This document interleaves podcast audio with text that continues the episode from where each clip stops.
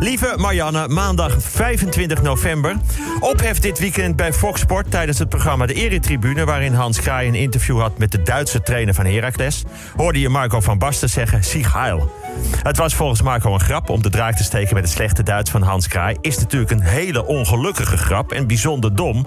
En dat een week voordat zijn boek uitkomt. De oorspronkelijke titel daar, daarvan was Mijn Trainingskamp. Maar dat heeft hij direct veranderd en hij heeft excuus gemaakt. Hij heeft gezegd: Ik ga best niet gewoest. Een goudstaaf ter waarde van 235.000 euro die uit een busje gevallen was, is weer terecht. Hij is teruggebracht door een eerlijke vinder. Mooi. De chauffeur van het busje had waarschijnlijk de schuifdeur niet goed dicht gedaan. En toen is de goudstaaf eruit geschoven. Let op, een goudstaaf van 235.000 euro. Dat je je schoonmoeder niet goed vastzet, dat kan ik nog begrijpen. Maar een goudstaaf, oh, gooi maar op de achterbank. Is de deur goed dicht? Ah, maakt niet uit. Ik hoorde wat op straat vallen. Merken we straks wel. Oké, rijden maar. Chauffeur staat op non-actief en dat zonder wachtgeld in zijn geval. Dinsdag 26 november. Fox Sport heeft waarschijnlijk alleen om boze kijkers tegemoet te komen... Marco van Basten een week van televisie gehaald. Een hele week niet op tv. Dat is een bizar hoge straf, aldus Peter R. de Vries. Wie ook straf kreeg is Prins Andrew. De jarige prins krijgt geen verjaardagspartijtje. Alle meisjes die hij had uitgenodigd zijn afgezegd. Wat overblijft is een etentje in hele kleine kring... met zijn 93-jarige moeder en zijn 96-jarige vader. En die zijn heel benieuwd of hij nu wel een keer zijn broek aan kan houden op een feestje.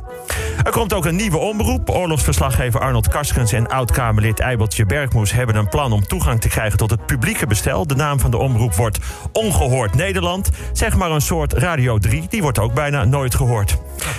De gemeente Amsterdam gaat bekijken of het mogelijk is of eigenaren van weggeknipte fietsen een bericht kunnen krijgen dat hun fiets is weggeknipt. Vorig jaar werden er van de 80.000 weggeknipte fietsen, jawel mensen, 80.000 fietsen werden er in één jaar weggeknipt. Van die 80.000 werden er maar 15.000 opgehaald. Snap je? 65.000 fietsen worden niet opgehaald per jaar. Mensen gaan ervan uit dat hun fiets is gejat. En dat is ook zo. Namelijk door de gemeente. Maar ik heb een plan. Die 65.000 fietsen die niet worden opgehaald, zet die met Sinterklaas zonder slot op plekken waar ze wel mogen staan. En hopla, dan hebben 65.000 mensen een fietscadeau. Gedichtje erop, hier heb je een fiets, die kost helemaal niets. Pak er nou niet gelijk twee, maar neem er eentje mee. Hij is eigenlijk van een andere vrouw of vent, dus spuit hem zelf over voordat hij wordt herkend. Nou, woensdag 27 november, over overspuiten gesproken. Marco Kroon, militair met de hoogste koninklijke onderscheiding, heeft van de rechter 100 uur taakstraf gekregen voor wildplassen en een eventuele kopstoot aan een agent bij zijn arrestatie. Hij schijnt naar de agent ook gevaarlijk te hebben gezwaaid met zijn geslachtsdeel, dus zeg maar met zijn lul. Maar volgens Marco zelf in de rechtbank is dat ding in ontspannen toestand klein en slap en verder ongevaarlijk. Of zoals hij het zei: Hallo, ik ben Peter Heerschop niet. Het speelde allemaal tijdens carnaval. Marco was bij de arrestatie verkleed als kikker en zijn vrouw als zebra. Dat laatste was handig volgens Marco, want dan kon hij op de grond leggen en overal veilig oversteken. De advocaat van Marco Kroon gaat in hoger beroep tegen de straf, want volgens hem mag je als kikker gewoon in het wild plassen.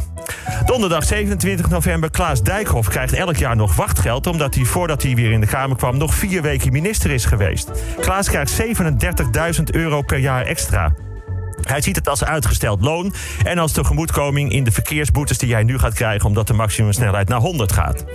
Nederlanders zijn sinds 1981 langer en zwaarder geworden. Mannen zijn gemiddeld 3,8 centimeter langer en bijna 9 kilo zwaarder. Vrouwen gemiddeld 1,5 centimeter langer, maar wel ruim 7 kilo zwaarder. Per toegenomen centimeter lichaamslengte zijn mannen dus gemiddeld 2,3 kilo zwaarder. Vrouwen 4,7 kilo per centimeter. Maar goed, het helpt wel om dingen vriendelijker te zeggen. Als je vrouw aan je vraagt: heb ik in deze broek een dikke kont? Kun je gewoon zeggen: nee, het lijkt alleen of je anderhalve centimeter langer bent. Uit onderzoek naar waardering van luchthavens komt er vooral uit dat het eten en drinken daarvan veel te duur is. Met Schiphol als koploper. En dat is ook belachelijk duur op Schiphol. Mensen sparen vaak het hele jaar om op, Schop, om op Schiphol een koffie en een hele muffin te kunnen kopen. Dat is tegenwoordig even duur als de hele vlucht die je erna gaat maken. Maar goed, morgen is het bijna overal extra goedkoop. Want dan is het Black Friday of Roetveeg Friday. Maar daar gaat het nu niet om. Allemaal koopjes. En er zullen wel weer lange wachtrijen zijn. Enige die daar blij mee is, is Klaas Dijkhoff. Want die wordt daar dik voor betaald. Vrijdag 28 november, wat een voetbalweek. In de Europa League speelden alle Nederlandse clubs 2-2. Behalve PSV. En Ajax won uit met 2-0 bij Lille. Met als hoogtepunt een jongetje dat het veld oprent naar Hakim Ziyech. Die reageert niet boos of geschrokken. Nee, die geeft het jongetje een knuffel. Belooft hem zijn shirtje. En zegt tegen de beveiliging dat ze aardig tegen het jongetje moeten blijven. Kijk, zo doe je dat. Kamerleden Martijn van Helvert van het CDA en Thierry Baudet kregen dit week ruzie bij het debat over de 70 burgerdoden in Irak. Die ruzie ging niet over de 70 burgerdoden. De ruzie begon omdat Van Helvert Baudet aansprak met collega Baudet.